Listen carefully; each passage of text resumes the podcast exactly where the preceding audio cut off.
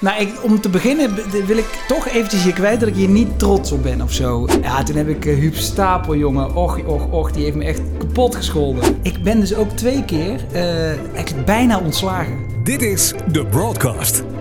De podcast over radio en televisie in Nederland. Met in elke aflevering een gast uit de radio- of tv-wereld. Hier zijn uw podcast-hosts, Patrick en Peter. Broadcastvrienden, welkom bij een nieuwe aflevering. En in deze aflevering hebben we weer eens een gast die zowel in de radio als in de tv-wereld werkzaam is.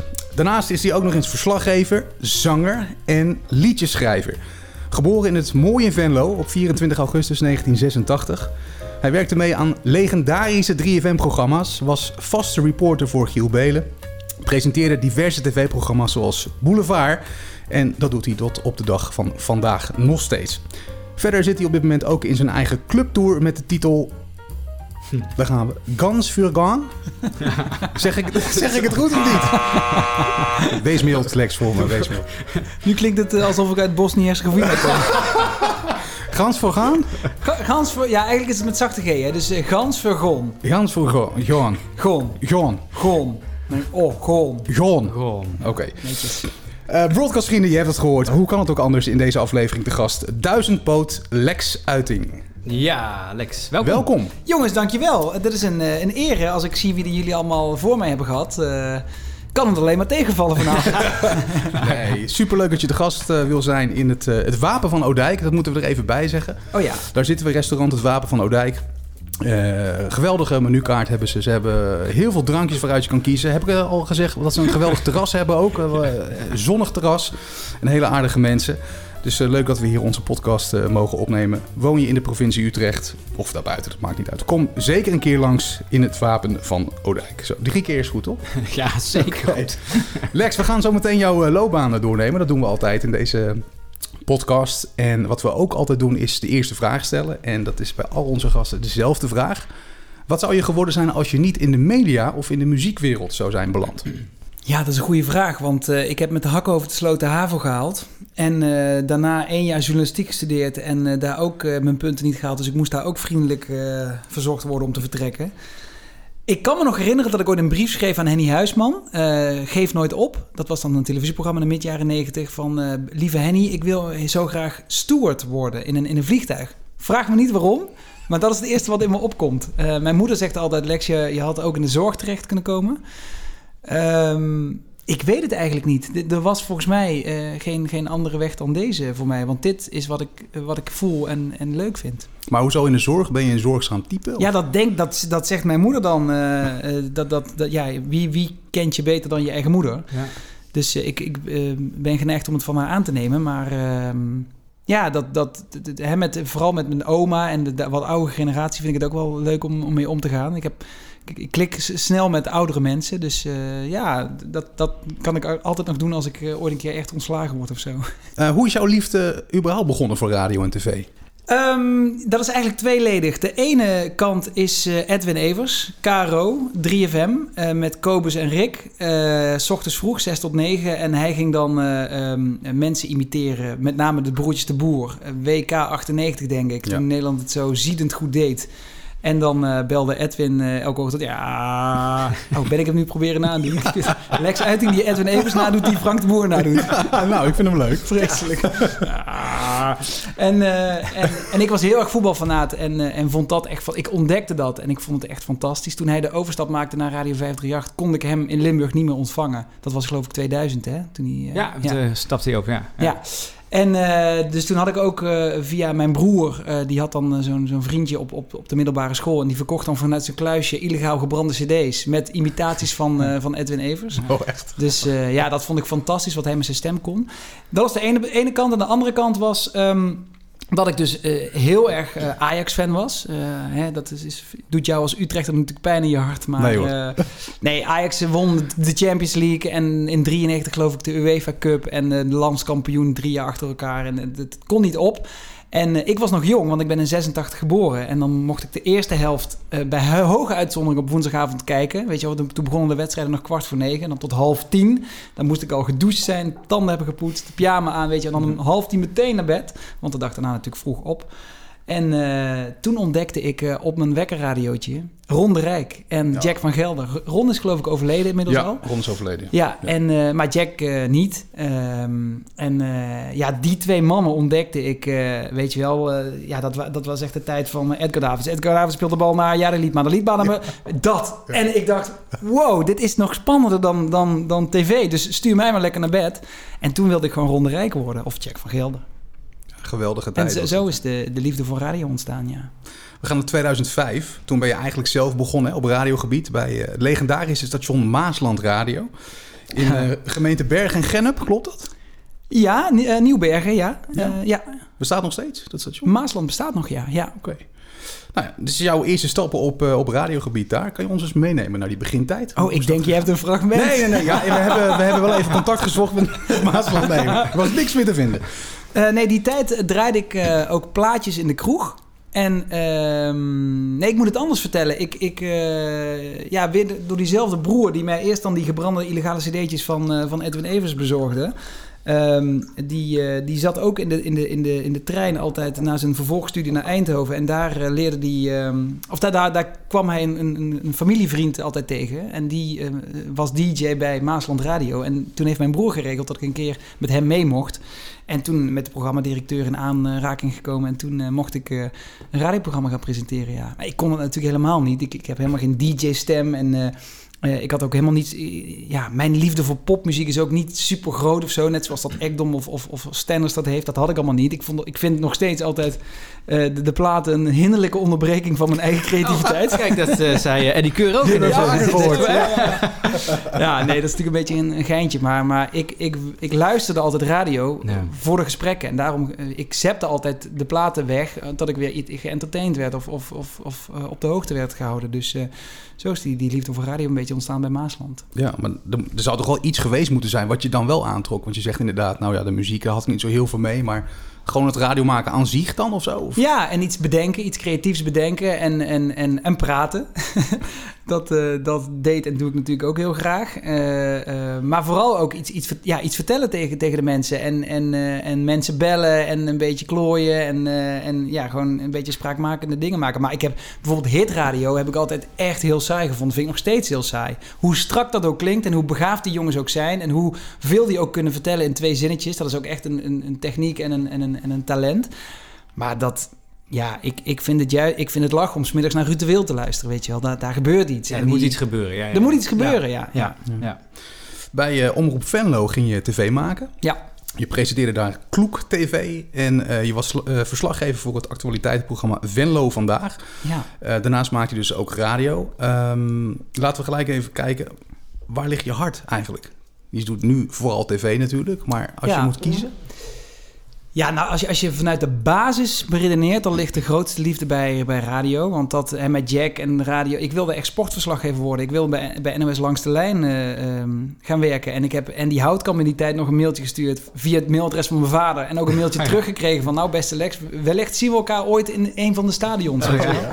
Dus dat, dat, en als ik, als ik die liefhebberij voor voetbal niet kwijt was geraakt... dan eh, had ik nu heel graag bij Radio 1 gewerkt, bij Langs de Lijn. Dat weet ik zeker.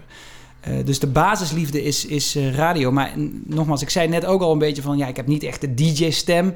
Ik kan niet echt zo praten. En, eh, weet je, en, en dat wil ik ook helemaal niet. Ik heb die zachte G en dat ben ik ook heel erg. Dus ik denk dat ik televisie beter kan dan, dan radio, ja. Het is eigenlijk gewoon meer iets overbrengen. En of dat dan audio, radio, tv, video... Dat, dat maakt misschien voor het verhaal dan nog nog niet eens heel veel uit. Nou, ik vind het vooral leuk om zelf iets te bedenken... Ja. het zelf te regelen Ja. en het zelf te maken. En dan ook zelf natuurlijk de- uiteindelijk de vraag te stellen of het, of te doen of te presenteren. Dat, dat, ja, eigenlijk kan ik eh, niks uit handen geven, kom ik net achter. Ja, nou ja, dat is dat ook weer even duidelijk. Ja.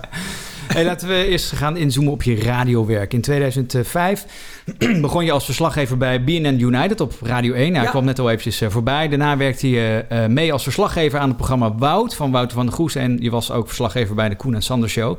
Zo deed je onder andere verslag van het WK voetbal 2014 in Brazilië. En de spelers van Oranje die wisten meteen dat jij er ook was. De Broadcast. Nou, toen had ik al een eh, klein akkefietje met Nigel de Jong. Die, eh, Oh. die kwam uit een soort zijingang van, van het uh, spelershotel. Eh, die eh, ging samen met Wesley Snijder een boodschap doen. Ehm, ehm, ja, en, en, en ik heb Daily Blind net wel... eh, Oh, oh, oh, wat was het akkefietje dan? Wat, wat, wat is er gebeurd? Nou ja, ik, ik, ik zag Wesley en Nigel uit, eh, uit een zijingang van het hotel eh, komen. Dus niet aan de voorkant waar alle, alle fans en pers stonden, maar echt aan de zijkant. En ik vraag alleen, Wesley, goedemorgen, gaat het een beetje goed met je? Heb je het naar je zin?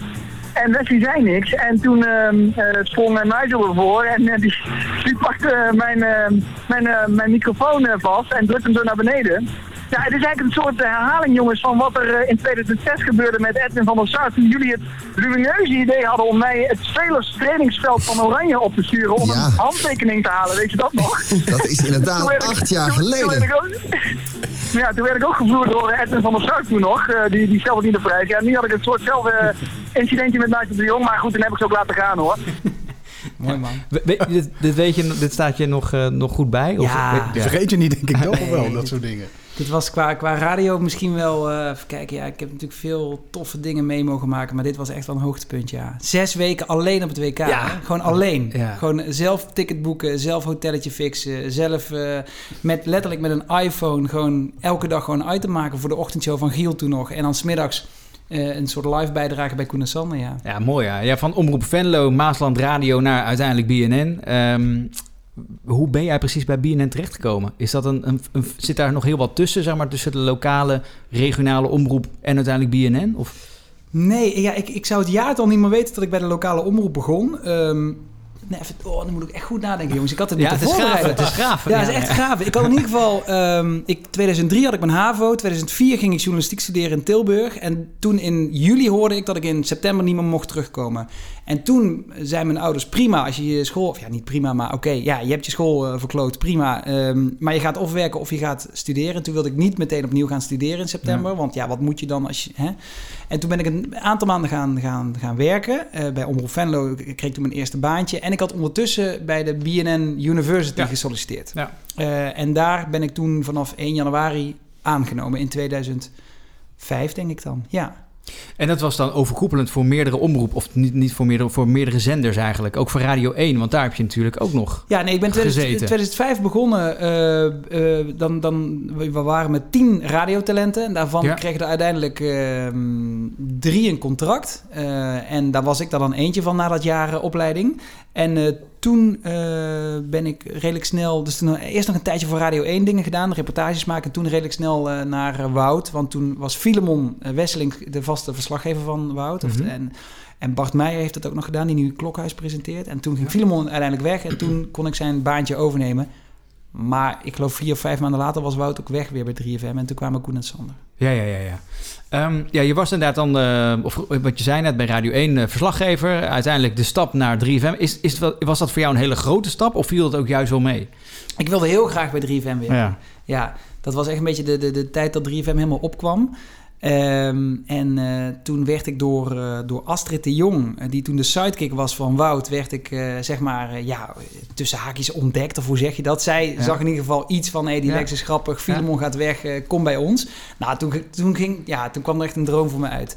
Toen mocht ik elke, elke dag van de week gewoon een ja, drie keer per, per uitzending een verslag doen. En, en ja, dat was natuurlijk top. Eh, Ja. Dus de stap eh, voor mij was eigenlijk best wel snel van Radio 1 naar 3FM.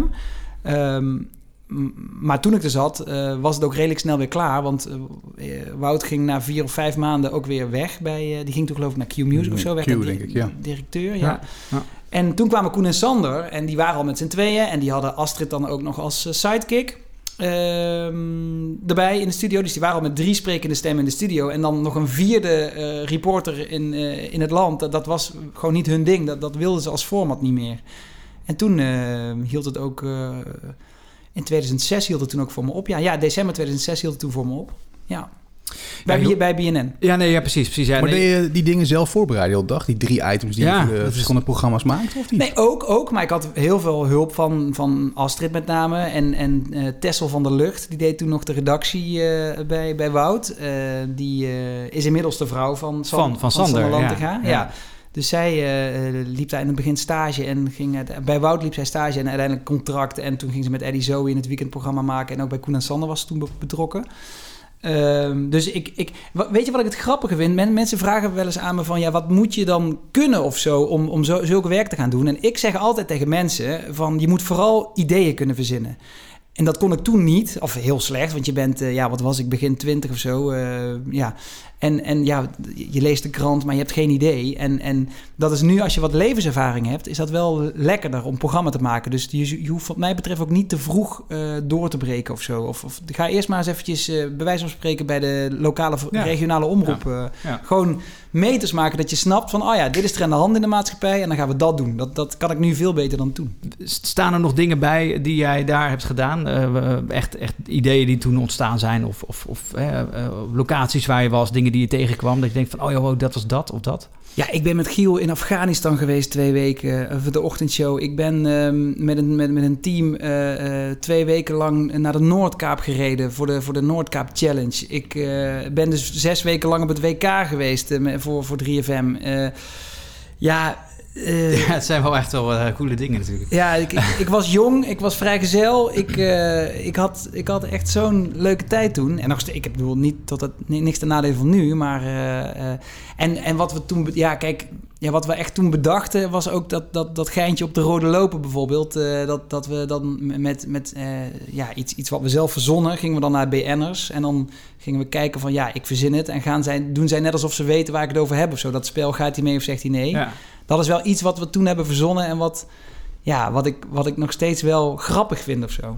John Leerdam, eh, Tweede Kamerlid, nu momenteel voor de Partij van de Arbeid. Terug van weg geweest. Terug van even weg geweest, anderhalf jaar was ik even weg. Ja. En daarvoor heb ik bijna acht jaar in de Kamer gezeten. En jij bent een, een, een, een, een prominent type in die Tweede Kamer, was je al. Want hè, eh, je donkere uitstraling, je bril, eh, je, je goede quotes.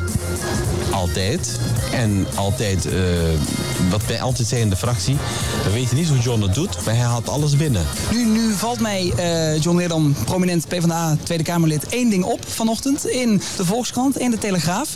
De Haagse straatterrorist Jael Jablabla komt vervroegd vrij door een vormfout van het OM. Dan zijn we toch de weg met z'n allen kwijt. Jael moet er gewoon terug die cel in. Hoe krijgt die Duitse bek, hè?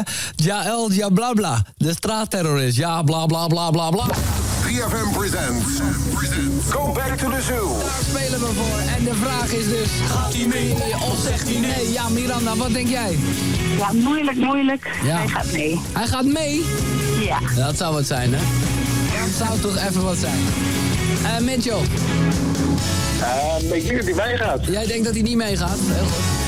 Dat is voor het spelelement leuk. Eh daar gaat hij. De Haagse straatterrorist Jael Jablabla komt vervroegd vrij door een vormfout van het OM. Dan zijn we toch de weg met z'n allen kwijt. Jael moet er gewoon terug die cel in. Het is zeker iets wat Jeroen Dijsselbloem, onze vice-fractievoorzitter, die heeft er ook al over gesproken. Nou ja. En die zal eh, dit in de gaten blijven houden. Nou ja, Maar Wat zei Jeroen Dijsselbloem erover toen hij erover gesproken? Daar gaan we geen uitspraken momenteel over doen. En ik denk dat... Is dat nog een PvdA-geheim wat er met Jael Jablabla moet Nee, gebeuren? maar voordat alles duidelijk is geformuleerd, dan gaan is gewoon de code dat je dat niet gewoon naar buiten brengt. En ik denk Maar dat ik hoor u praten en ik, ik, ik, er er zit iets achter. U, u vindt daar iets van, van die Jael Jablabla. En u wilt het mij nu niet vertellen. En, en daarom ja, zeg ik, dat gaat om datgene wat ik weet, ga ik in ieder geval niet met u delen. Nee. Nee, Maar u weet meer over Jael dan ik. ik weet.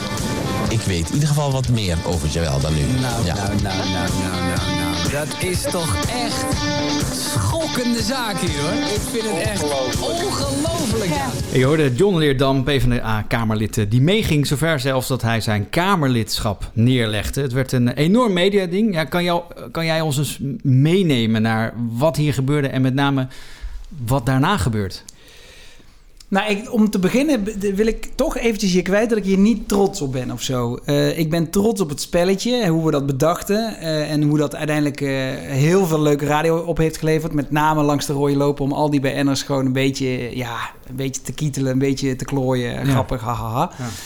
Maar het moment dat wij besloten om op dinsdagmiddag naar het vragenuurtje te gaan in de Tweede Kamer. eh, toen heb ik dus echt eh, volgens mij wel 12 of 13 gesprekken opgenomen met Kamerleden, met staatssecretarissen, met, met, met ministers, met, met eh, notabene ook met Rutte.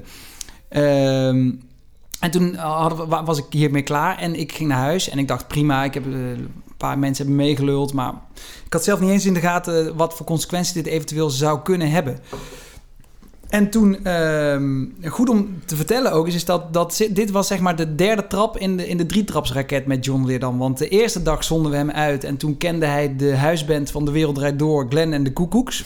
ja, die zanger vond hij toch wel knap en leuk en goed bij stem. En eh, nou ja, dat was het meteen de Koekoeksclan. En eh, eh, de tweede dag vond hij het een goed idee als Boris Yeltsin, toen de tijd nog in Rusland, asiel zou verlenen aan Muammar Gaddafi.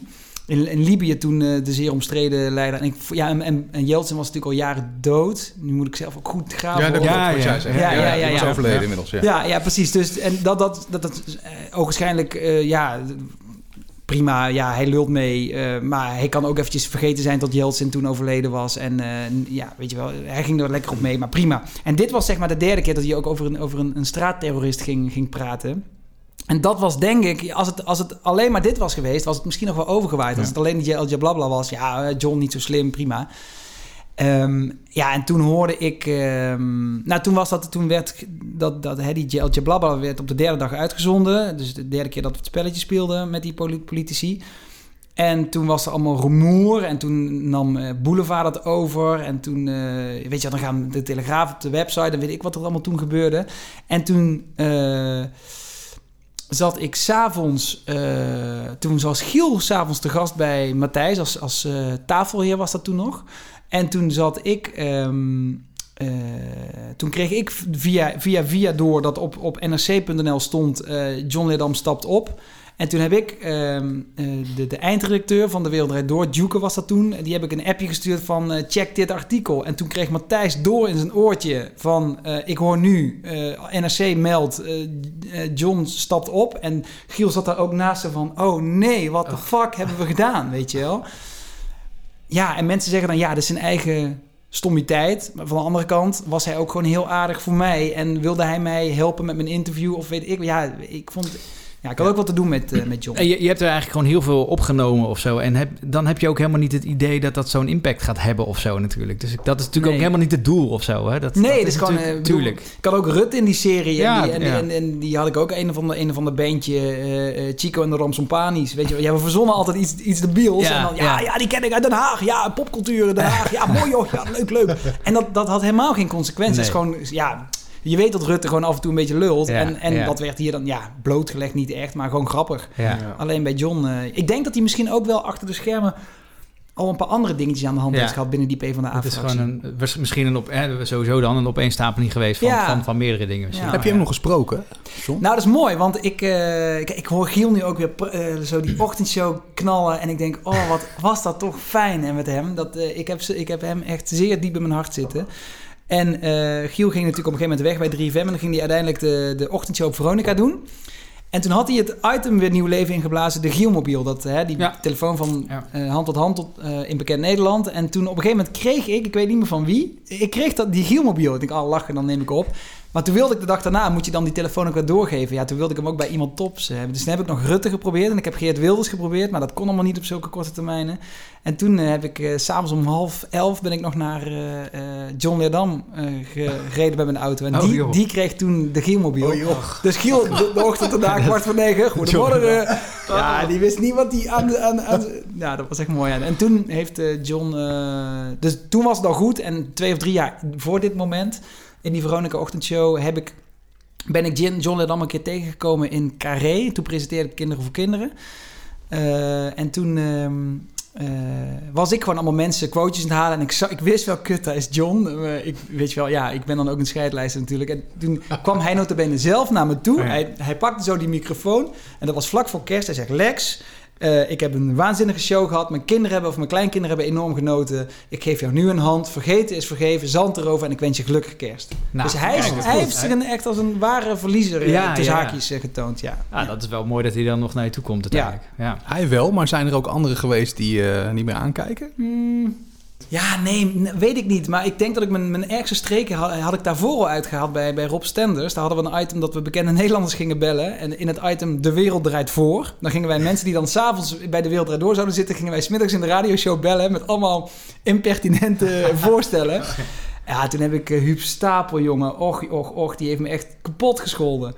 Eh, maar daar kan ik nu ook gewoon een biertje mee drinken als, eh, als mede-Limburger. Ja, ik wil zeggen, ja, ja, ja, ja, dat moet Ja. wel natuurlijk. Ja. In 2007 maakte je de overstap naar de VARA. Je bleef eh, de radio trouw.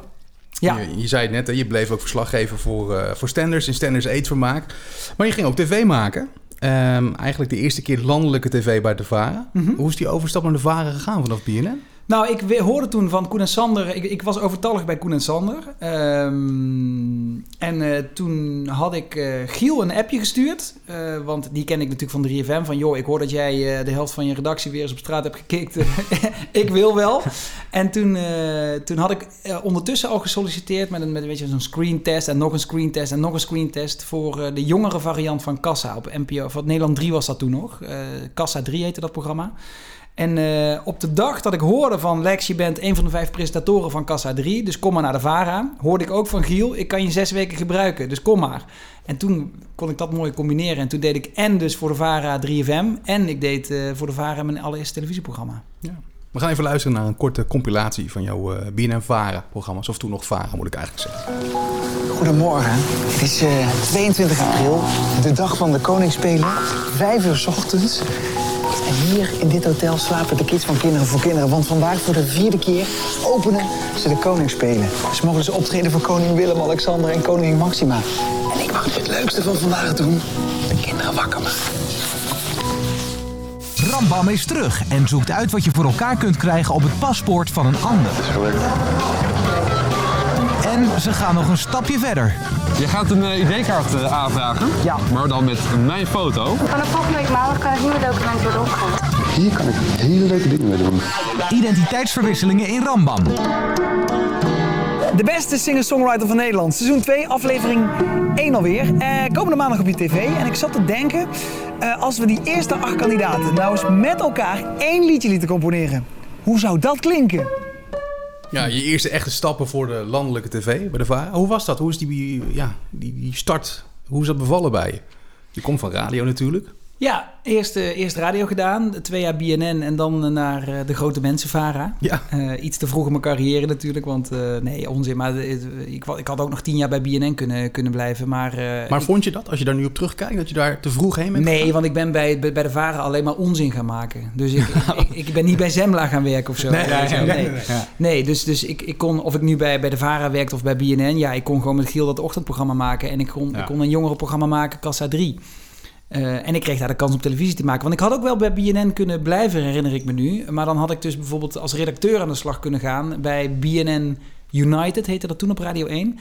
Maar toen was ik ook al zo bij de hand, blijkbaar, achteraf, dat ik zei van ja, nee, als ik eh, achter de schermen moet werken, dan, eh, dan ben ik weg. Natuurlijk achterlijk ook, maar toen een goede keuze, want ik kon bij, bij, bij de VARA toen meteen een televisie gaan maken. En eh, ja, die begintijd, ja, dat, wat, ik was eh, enorm fanatiek. Eh, ik maakte echt veel uren voor dat, voor dat Kassa 3. Sowieso sto- stond je natuurlijk elke ochtend voor dag en dauw op. En dan ging ik daarna nog dat televisieprogramma maken. En ik, dan moest je ook echt je eigen gasten fixen en je eigen Ja. item schrijven. En, dus ja, dat, dat- dat- ik kan me vooral nog herinneren dat ik, dat ik bloedfanatiek was. En, en als, bij wijze van spreken als eerste daar op de redactie zat en als laatste weer naar huis ging. Wel mooi. Dat- Echt van A tot Z maak je eigenlijk dat programma dus. Ja, je krijgt al hulp leuk. van, van Ja, ja, ervaren, natuurlijk, ja, eh, maar- ervaren verslaggevers. eh, hoe, maar die opzet moest je helemaal zelf schrijven. En dan gingen zij hem beter maken Nou of eh, weet ik ja. Wel leuk. Het is weer wat anders dan alleen maar gaan staan, autocue lezen en eh, naar huis, toch? Wat Ja, betreft. heel Doe anders, Je doet echt, echt alles. Ja, eigenlijk dat autocue lezen en gaan staan, of tenminste gaan staan, dat klinkt te makkelijk. Maar dat doe ik eigenlijk nu pas bij, bij Boulevard. eh, eh, dat is mijn eerste echte autocue eh, klus. Ja, Ja, daar komen we straks nog op. Als je, als je, als je terugdenkt aan je VARA-periode, wat, wat, wat steekt er voor jou bovenuit qua programma's? Waar denk je als eerst aan terug? Nou, ik, ik, ja, we zitten nu heel erg in dat, in dat radio-Giel-tijdperk natuurlijk. En ja, ik, ik heb hem echt op eenzame hoogte staan, gewoon als programmamaker. Hij heeft me geleerd van, van er moet altijd wat gebeuren. Het moet, mag nooit kabbel de kabbel zijn. En, eh, en eh, elke spreek, bij wijze van spreken, dan, dan, dan moet je eventjes, dat je denkt van, huh, wat, wat gebeurt hier? Eh, dus daar heb ik echt heel veel aan te danken. Aan, aan zijn, ja, zijn ehm, ambitie en zijn werklust en zijn werkdrive. Eh, maar uiteindelijk heb ik bij, bij BNN en bij BNN Vara was het toen op een gegeven moment ook weer. ehm, eh, ehm, heb ik de documentaire Noord-Zuur bedacht. Dat ging dan over het feit dat ik in mijn geboortestad eh, Prins Carnaval werd. Dat snapt de rest van Nederland niet, maar als je daar in Brabant of in Limburg geboren bent en je wordt eh, gekozen of gevraagd eh, als prins. Ja, dat is zeg maar het, het hoogste doel in, zo, in zo'n stad. Dat is echt een prachtige ja, eh, beloning, of hoe zeg je dat? En daar konden we toen een film eh, van maken. Dat heeft Rob Hotsemans toen gedaan. Ja, en dat, dat zit zo dicht bij mijn hart dat ik dat daar meteen aan moet denken. In de documentaire wordt ZEP-presentator Lex Uiting gevolgd. Ik ben er gek van. Hij komt uit Venlo en zijn droom om daar een keer prins carnaval te worden kwam uit. Ja, vaders huilen gewoon niet zo heel vaak. Tenminste, mijn vaders niet. En eh, dat hij dat dan doet als ik met mijn broer eh, prins en adjudant eh word, ja, dat is wel heel bijzonder, ja. Prins Lex bezoekt ook de school aan de Vijver. De makers van de documentaire willen laten zien hoe belangrijk carnaval voor Venlo is en hoe mooi dat wordt gevierd. Lex Uiting maakte zelf ook zo'n vastelavondlied. En dat kunnen alle kinderen hier meezingen.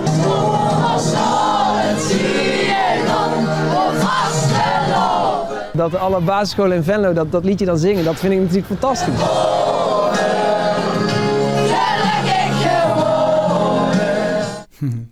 Ja, het was eh, 2017. Jij, je, je vertelde het net al eventjes inderdaad. Eh, uitverkozen tot stadsprins van, eh, van Venlo tijdens Vastelovond. Zeg ik het goed? Nee, het- niet Maar niet moeten er echt mee ophouden, Pet. Car- car- carnaval. Carnaval, hoor. We staan echt, wij slaan Ja, een het flater hier voor onze Limburgse is- Het luisteraars. is heel Sorry, erg wat dat mensen. betreft, ja. Ehm, nou goed, je, maakt, je hebt het net al een klein beetje verteld. Je maakt natuurlijk die docu. Maar het, wat ik daar heel, wat ik het mooi in vind, het is, het is carnaval. Het zit natuurlijk eh, diep van hè, eh, Limburg, Venlo, et cetera. Maar ook daar zie je eigenlijk weer een idee in. Hè? Een docu, uiteindelijk een plaat. En Ja. Hoe, hoe, hoe ontstaat zoiets dan? Nou ja, je wordt dus gevraagd eh, door, door Jokus, dat, zo heet de vereniging. Dat is de oudste carnavalsvereniging van, van Nederland. Eh 1835 zijn ze geloof ik opgericht. Ja, uit mijn hoofd. Eh, maar in ieder geval, eh, dan word je dus gevraagd. En dat is natuurlijk iets, eigenlijk is het iets hyperlokaals. Maar dat gevoel dat ik had, eh, of heb als, als ja, jongen uit de provincie, uit Limburg, maar wel naar de Randstad en in Amsterdam wonen, en eerst in Utrecht wonen, en, en maar toch altijd die, die, die Limburgse roots niet kwijt kunnen en willen raken. Ja, toen dacht ik van ja, dit is wel het moment. ik als landelijke televisiepresentator en ik, ik word zoiets in Limburg. En ik kan die volkscultuur dus nu wel proberen op een podium te zetten. Ja. En dus eh, ja, in die film hoor je ook mijn ouders huilen. Als, ze, als, als we ze in het diepste geheim vertellen dat ik dan de prins word... en dat mijn broer de adjudant wordt. En dat komt allemaal zo dicht bij je hart... Dat, dat ik daar dan meteen aan moet denken... als je vraagt naar hoogtepunten uit die BNN-VARA-periode.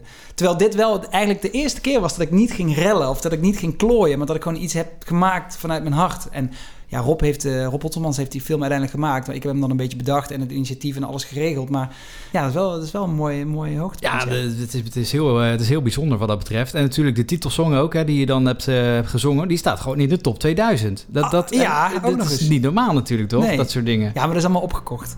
Ja, nee, maar ik, ja, ik weet niet eens waar ik het maar ik zag, laatst zag, zag ik jou ook gewoon weer voor een, nu kan het allemaal weer natuurlijk, voor zo'n enorme menigte, Ja. lallend ja, op het podium. Ja.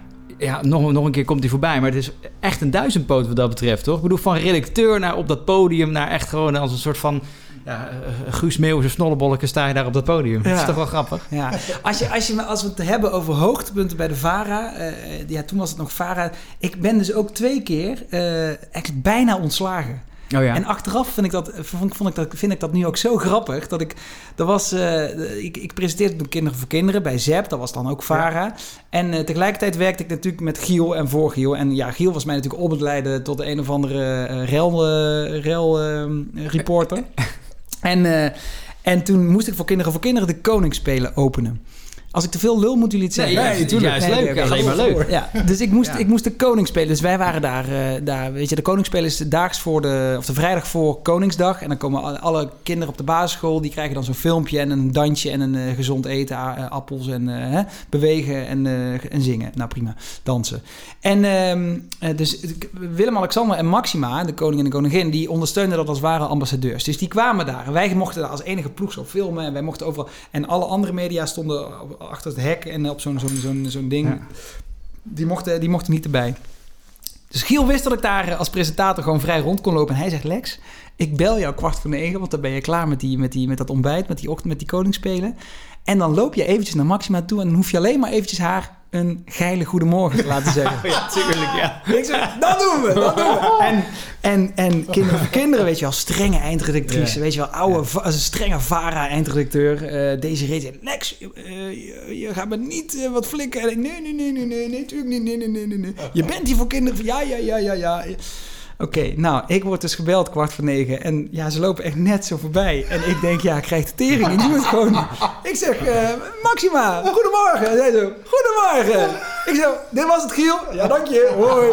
Nou, maar toen, maar toen, ja, ik snap het ook wel. Want het is natuurlijk belangenverstrengeling. En ik was daar in naam van Kinderen voor Kinderen. Weliswaar ook voor de VARA. En ik ging voor een ander VARA-programma. De koning en de koningin aanspreken. Wat echt nat dan is. Ja, en toen de RVD, hoe heette dat toen nog? En, en, en, en, en ik kwam op een zwarte lijst. En, ehm, Oh. en, en, de, en, en de, het Koningshuis eh, eh, overwoog om, om de samenwerking met de Koningsspelen op te zeggen. En dat was natuurlijk voor de VARA ook een prestigieus ding. En, een, en, en, en dat was een liedje, dat ging naar alle basisscholen. Dus er waren ook heel veel zakelijke belangen mee gemoeid. En toen moest ik echt wel eventjes op het matje komen ja, bij, eh, bij de baas van de VARA. Maar uiteindelijk gered. Uiteindelijk gered, ja. Ja, dus dan zijn het pittige gesprekken, maar ja. Ja, het ja. Komt, komt dan wel Maar weet je, kijk, BNN en met name ook de VARA, die, waren, die hadden natuurlijk een traditie en hebben een traditie van het randje opzoeken Ja. en, en, en, en, en een beetje spelen met, eh, met, met de regeltjes. En Ja. zeker BNN ook, ja, en de VARA trouwens ook, met, met het cabaret en alles erop en eraan.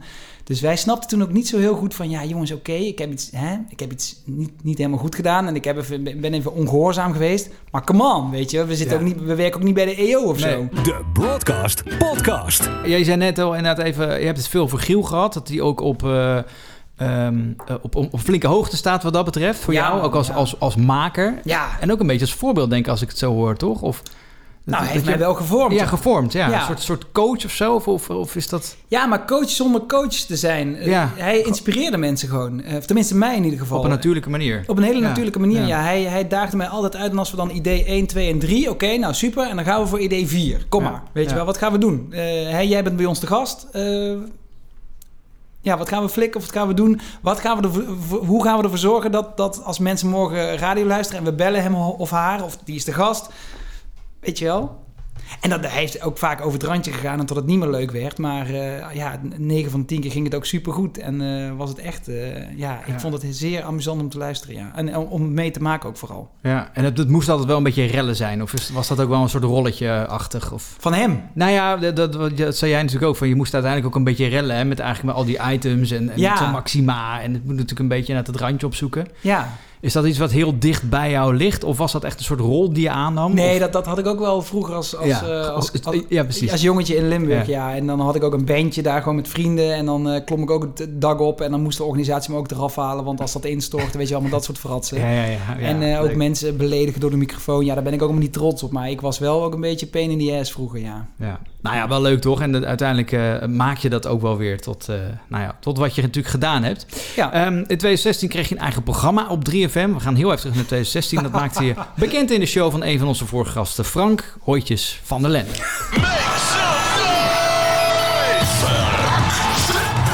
Ik hoop dat de boulevard een beetje oplet. SBS Shownieuws. Ja, ja.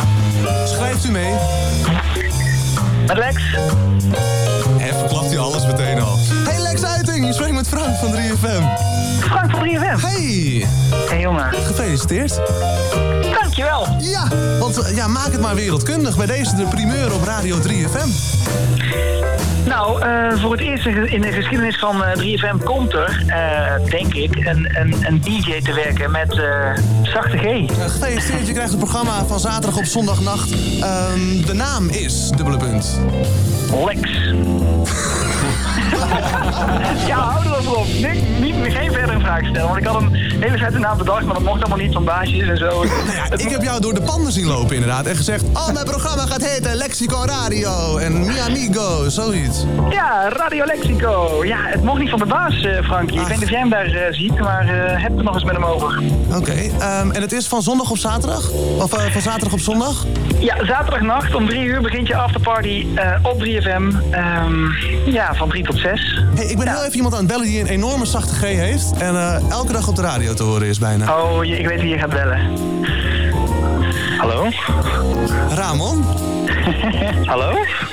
Lex probeerde net al jouw shine te stelen om te zeggen dat hij de enige Nederlandse DJ is op 3FM die met een zachte G praat. Ach, wat onzin. Ja, mooi. ja. Eh, ja, je eigen programma op, op 3FM, radio bleef toch, eh, bleef toch trekken dan, hè, denk ik. Ja, ja. eh, nee, die, die, die, die, diezelfde Tessel waar we het net over hadden, de, de, de, waar ik ooit bij Wout mee op de redactie werkte, die, ehm, die was baas geworden en die, die zei van, we gaan het doen.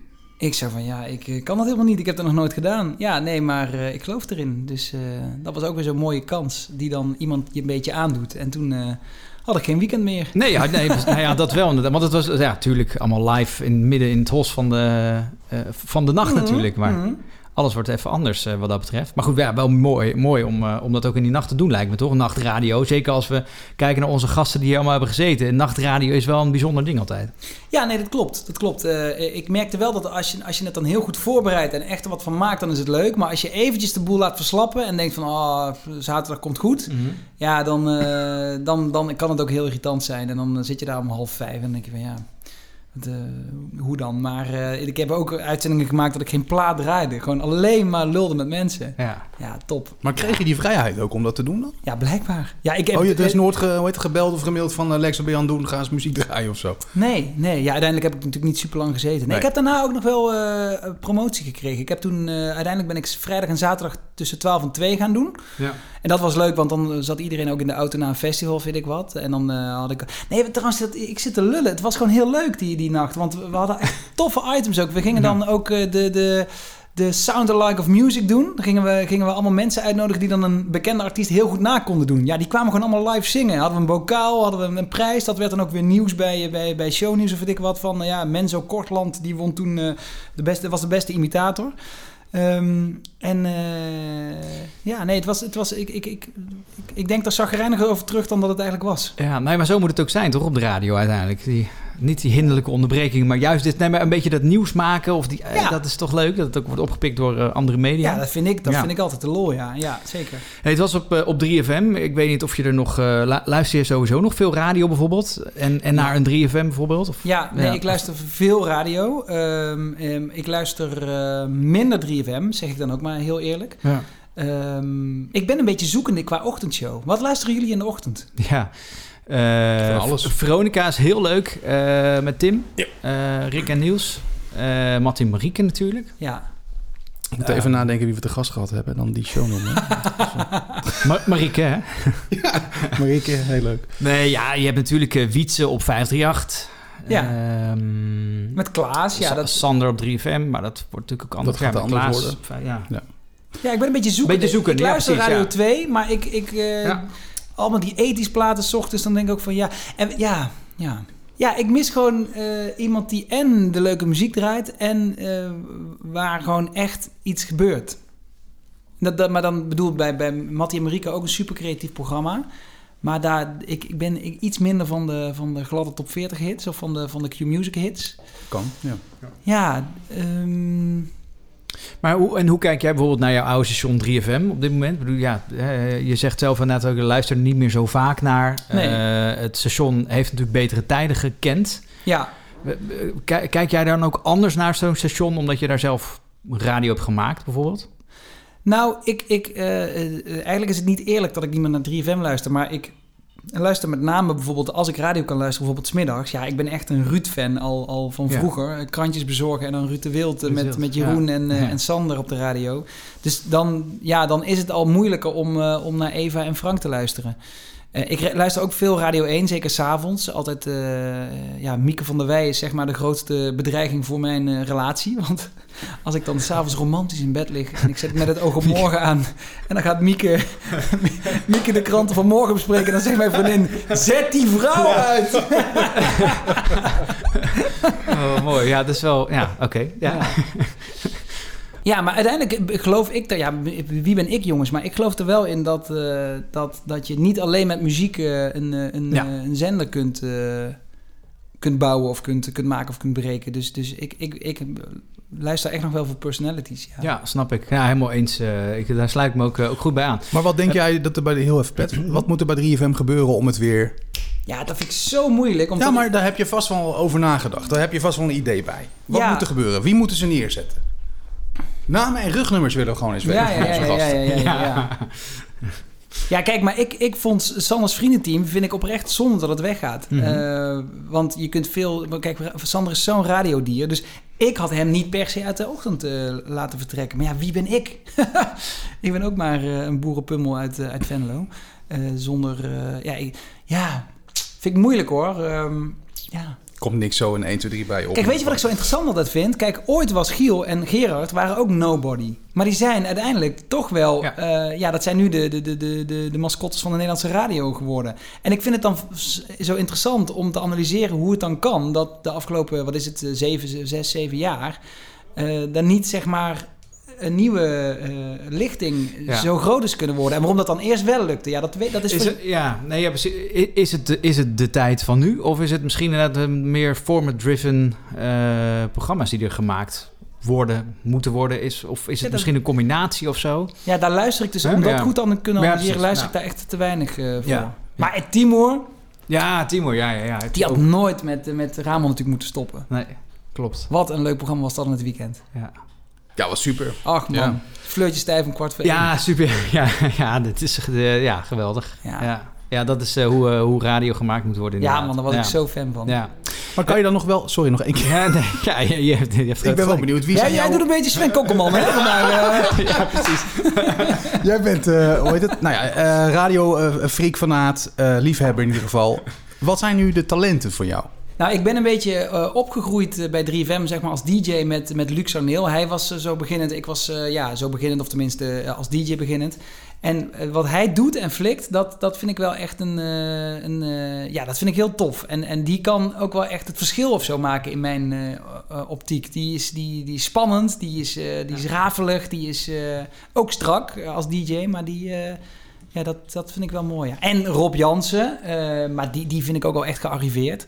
Maar die jongen moet natuurlijk gewoon een keer eh, echt zijn, zijn, zijn, zijn, zijn talent voor entertainment en voor show eh, gaan eh, etaleren op een, op een A-locatie. Ja, en je komt hem natuurlijk al met carnaval tegen. ja, maar dat is Brabant. hè? ja, nee, precies. maar het is wel grappig dat je dat dan wel weer gemeen hebt natuurlijk. Wel, weliswaar van, op een, eh, een, een, nou ja, goed, iets ander carnavalsniveau. Rob maakt er ook altijd wat van. ja, wel. die, ja. die, is gewoon, die, denkt na over video, die denkt na Ja. over die grappen, over... er gebeurt altijd wat met hem. Ja, nee, absoluut. Ehm, laten we nog heel even teruggaan ook naar die, naar die docu. Want is, eh, is dat nog iets eh, wa- wat je meer wil gaan doen? Of waar je, eh, nou ja, ja, dat eigenlijk. Wil, wil je daar meer mee gaan doen? Nou, weet je, kijk, ik, ik, ik vind het altijd mooi om dingen die zeg maar op je pad komen in te zien als kans of zo. Dus, dus ik zou nu niet een nieuwe docu per se willen forceren en dan dat die net iets minder wordt. Maar bijvoorbeeld, mijn vriendin werd ernstig ziek. En, en toen zij zei van, hey, zullen we die opnames met de iPhone die we maakten bij de, bij de artsen, zullen we die, die eigenlijk voor privé waren bedoeld, zullen we die toch eh, maatschappelijk in gaan zetten om iets te, te maken. Dus die audio-opnames naar buiten brengen. En daar hebben we toen een, een, een eh, podcast van gemaakt. En dat is ook weer iets wat je dan niet kunt bedenken van tevoren, maar dat gebeurt. En dan denk ik van ja, maar dit is wel echt zo'n mooi idee van haar. En dan moeten we dat gaan doen. Maar vraag je mij nu, ga je volgend jaar weer een podcast maken? Is het antwoord waarschijnlijk nee. Want als het idee niet in de lucht hangt, of niet. Ik, ik vind zoeken naar altijd moeilijk. Ja. Of niet moeilijk, maar dat vind ik altijd. Ja, dan wordt het nooit zo oorspronkelijk en zo goed. Maar er is niks wat in jouw achterhoofd zit waarvan je dan al denkt van... eh, daar wil ik nog wel een keer wat over maken of mee doen. Of... Nou, ik wil, zou heel graag een keer. De, ik zou in ieder geval heel graag kijken naar de, de ultieme docu over bijvoorbeeld Akda de Munnik. Hoe die opkwamen Oh ja, in, de, in cool. 798 en, en toen ook weer uiteindelijk eh, ja, stopte, om welke reden dan ook.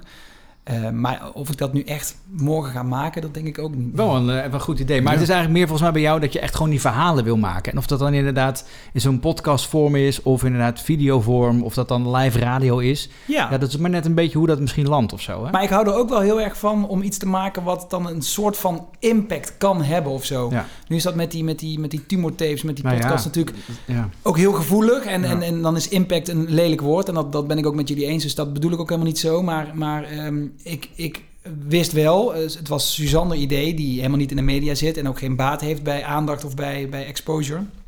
Zij wilde heel graag ja, dat er meer vrouwen zo'n uitstrijkje bij het bevolkingsonderzoek gingen maken. En toen dacht ik, ja, maar dit, hier kunnen we echt iets, iets betekenen, iets, iets, het verschil maken of zo. En als ik dat voel, dan ga ik er ook full force voor. Want uiteindelijk was het, het was haar idee om dat ook vast te leggen op...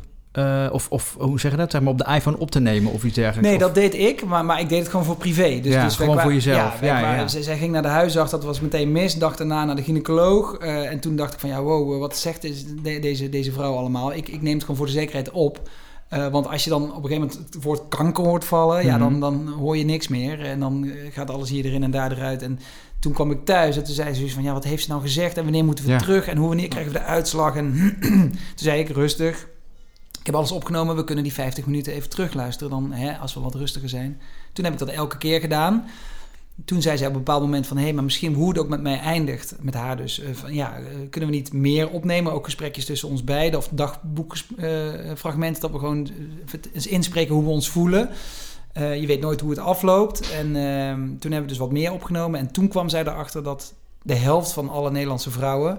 ja, dat uitstrijkje waar je dus baarmoederhalskanker mee kan voorkomen...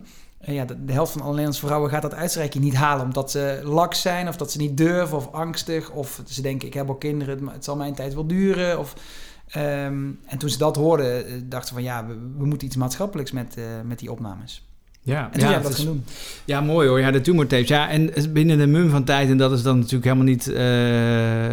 dat, dat valt natuurlijk allemaal in, in het niet bij waar het om gaat. Maar stond je gewoon, jullie, bovenaan in die, in die, in die lijsten. Het, het ging natuurlijk door het dak ook qua cijfers Ja. en heel veel media-aandacht. Ja. Hoe, hoe is dat, jullie en ook Suzanne bijvoorbeeld? Want die stond natuurlijk niet echt in de spotlights bevallen. Nee, nee, ja, nee. Zij zei ook van, ik, ik wilde voor, voor één keer wil ik uit de, de schaduw en daarna Ja. ga, ze, ze is nu ook weer lekker terug in, In de, de schaduw. schaduw, Ja, ja, ja, ja. dat vindt ze ook de allerfijnste, de fijnste manier van leven.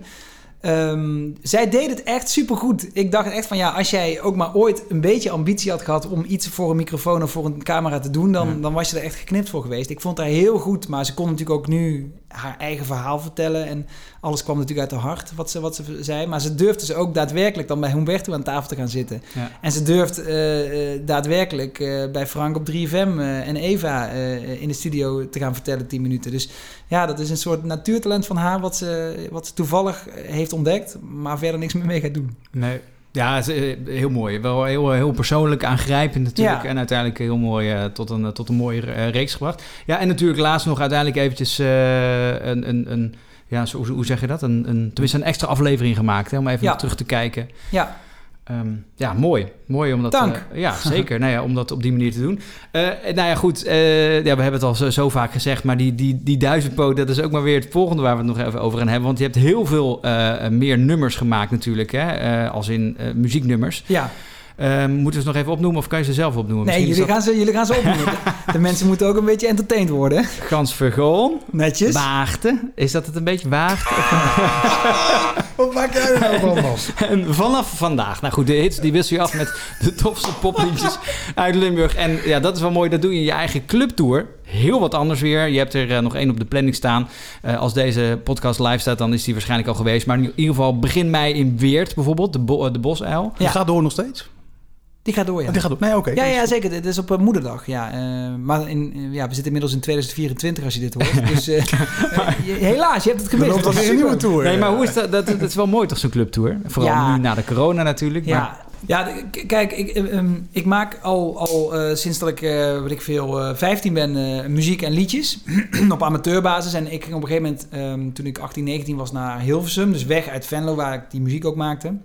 Maar tegelijkertijd had ik, van de club de meeste ambities om, om dat zo tof mogelijk te doen en zo groot mogelijk. En ik wilde hè, overal spelen. En eh, toen zijn we op een gegeven moment, ja, ben, heb ik gezegd van we stoppen met, dit- met dit bandje. Ehm, eh, want ja, we, maken elk jaar hetzelfde rondje van, van 40 eh, of 30 of 40 optredens. Dat was hartstikke leuk daar in, in de regio Midden- en Noord-Limburg. Maar het komt niet verder, weet je wel. Dus dan kunnen we er beter mee stoppen. En toen heb ik me eigenlijk geconcentreerd op, op radio en televisie. Nou, daar hebben we het over gehad. Eh, maar dat, dat, die, die stiekeme droom van, van ja, toch een, zelf een liedje schrijven en dat na, hè, na, zorgen dat het een publiek kan meezingen en, en dat een publiek dat leert kennen, dat bleef altijd zo in mijn achterhoofd sluimeren. Maar dat durfde ik ook nooit meer echt uit te spreken. En toen maakten we die documentaire Noord-Zuur, waar ik dan dat liedje ook eh, bij maakte. Eh, eigenlijk een soort heimweeliedje, een rootsliedje van ja, Sweet Home Alabama, maar dan op zijn, op zijn Limburgs en over, over Limburg. Eh, en toen eh, zeiden die jongens met wie ik dat maakte, dat zijn jongens uit Limburg, maar die zijn inmiddels naar Rotterdam, Amsterdam, Haarlem vertrokken. En die maken gewoon professioneel muziek eh, met, ja, van Jeroen van der Boom tot Tino Martin, tot, ja, ze spelen met alles en iedereen, Diggy Dex, weet ik wat allemaal. En die jongens zeiden, ja Lex, we hebben nu dat liedje, dat Noord-Zuye liedje is zo positief, ja... aan de hand. Iedereen in het zuiden bijna kent het liedje. We moeten nu. of, Het zou echt tof zijn als we gewoon een bandje om jou formeren. En dan gaan we gewoon proberen die live carrière eh, nog een keer eh, te lanceren. Dus ja, toen heb ik, dat, heb ik daar twee keer nee tegen gezegd. En twee jaar later, eh, 2019, eh, durfde ik het aan. En toen kwam ook redelijk snel corona. Ja. Dus we waren eigenlijk net heel tof begonnen. Eh Zomerparkfeest Festival. Er stonden 20.000 mensen voor mijn neus. Toen eh, de slotconcerten van Rowanese, 15.000 boeren. Ja, toen naar het Mac in Maastricht, 15.000 man. Dus het, het was alleen maar dat ik denk van wow, dit, dit werkt. En toen kwam corona. Ja. Dus het is eh, na twee jaar nagelbijten wel eh, heel bijzonder dat, dat nu dan die clubtour ook weer gewoon aan de hand is. En dat we gewoon 600 kaarten per avond verkopen, ja. Ja, dat het weer kan, ja. Ja, dat, Leuk. eh, ja. Maar schrijf jij zelf dan alleen de teksten of arrangeer je ook de muziek? Of? Nee, we schrijven met z'n drieën de, de liedjes. Eh, dus dat doe ik met Bart Jansen en met Jos van den Ehrenbeemt. Eh, en eh, ja, dan komt er een van ons drieën met een ideetje. En dan eh, meestal maak ik de teksten wel. En dan zeggen zij van ja, dat klopt niet wat je zegt. En daar moet je hè, grammaticaal zus en zo. Dus dat- daar boetseren we wel aan. En die muziek doen we echt met z'n drietjes, ja. Je vindt de broadcast ook op de socials. Check ons op Twitter, Facebook en Instagram. Volg ons en mis geen broadcast meer. Wat ook leuk is, eh, we gaan weer even terug naar 2018, nog even naar je tv-werk. Want eh, je maakte de overstap ehm, eerst van de VARA ehm, naar RTL 4. Ja. En daar begon je als eh, sidekick. Mag ik dat woord in mijn mond nemen? eh, ja, reporter. Volgens mij noemde Twan Huis mij eh, special reporter. Special reporter, nou daar houden we het daar op. Je zei het net Ah, al. jongens, daar komt de vodka. Ah, kijk eens. ja, lekker. lekker, wat, lekker wat drinken. Wij worden voorzien eh, van eh, een lekker drankje. Eh, wij gaan luisteren naar een fragment eh, van eh, RTL Late Night. Lex, je bent op pad geweest vandaag. Zeker, Eh, er is van alles aan de hand in het land. Eh, en eh, ik werd vanochtend wakker ehm, met dit filmpje. En dat, dat verbaasde mij meteen. Kijk, je ziet hier een, een politiecellengang. Dan gaat de camera de cel in. En wat zien we dan? Dit.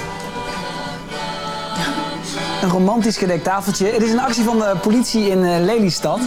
Ehm, zij zeggen namelijk, straks is het 11 februari. Toch? Ja. Straks wordt het 11 februari. Als je er dan drie dagen bij optelt, is het 14 februari. En dan is het Valentijnsdag. En dan vieren we met z'n allen de liefde. En eh, zij nodigen eh, twee mensen uit Lelystad uit om eh, de liefde te komen vieren in een politiecel met een romantisch diner. Wat staat er op het menu, chef? Een lekker tomatensoepje uit de politieautomaat. Dit is het hoofdgerecht. Bami goring met kipsaté en gebroken bonen. Hoe lang moet die? 12 minuten op 750 watt. En als nagerecht een koffiespecialiteit uit de automaat. We hebben als politie in actie, een gezellig eh Valentijnsdiner eh, op het politiebureau in een politiecel. Zeg, en wa- waar komt dit romantische politie-idee vandaan? Ja, wij gebruiken social media om in contact te komen met de bewoners in de wijk. En we kunnen op deze manier ook een inkijkje geven in ons werk. Hoe romantisch mag het worden hier in deze cel? Eh, nou, er, moet een, kan gezellig gegeten worden en er kan, je, kan een boeiend gesprek gehouden worden. Mag er gezoend worden? Ja, tuurlijk. En verder? Verder niet. Zullen we het matras eruit halen, hè?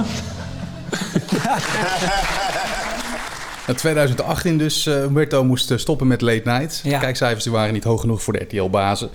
Twan Huis wordt eh, zijn opvolger, jij wordt dus benaderd. Hoe is dat dan voor jou om- in zo'n concept van Late Night, bestaand, nieuw concept, om daarin te stappen met het idee van ja, het is gestopt met Humberto, wij mogen nu verder. Ja, het, het gek is dat ik daar toen niet zo over heb nagedacht. Van, eh, eh, achteraf weet ik natuurlijk hoe eh, verdrietig dat voor Humberto en zijn team ook was. Maar ik dacht toen wel van, ja, frisse wind, nieuw team. ehm, ja, ja, ook niet zo, niet zo, toch niet zo bezig met, met hoe gevoelig dat ook achter de schermen lag. Ehm, ik dacht alleen maar van ja, eh, dit, is, dit is een superleuke kans. En ik, ik geloof heilig in Twan Huis als, als maker, als interviewer, als, eh, als intellect. En, eh, en hij krijgt nu de kans om, om zijn eigen show te gaan maken dagelijks op RTL 4. Ja, daar moet ik gewoon bij zijn. Maar wat werd er aan jou gevraagd van Lex, we willen graag dat je dit en dit gaat doen. Wat was dat? Nou, ehm, eigenlijk heb ik mezelf aangeboden. Oh, echt? Oh, nou, dat is helemaal goed, hoor. Ja, nee. eh, ik, kwam eh, Twan een keer tegen. Eh, wij, wij woonden voorheen in hetzelfde buurtje. En nou ja, Lex, wie is het? Weet je, ook in het Limburgs. Wie is het, jong? Ik zei, ja, goed. En dan ga je natuurlijk je riedeltje af. Van ja, ik ben dit het doen. En ik ben zus doen. Ik ben zo aan het doen. Ik had toen net mijn eerste eigen titel gemaakt bij BNN-Vara. Lex Lokaal, een programma voor NPO 3. En ik had nog dat radioprogramma en we waren een beetje aan het praten over een soort weekend. Of, dat, hè, of je door kon stromen naar de weekendlunch en eh, allemaal leuke dingen. En dan ben je zelf zo, ja, gewoon de leuke dingen vertellen uit het werkzame leven.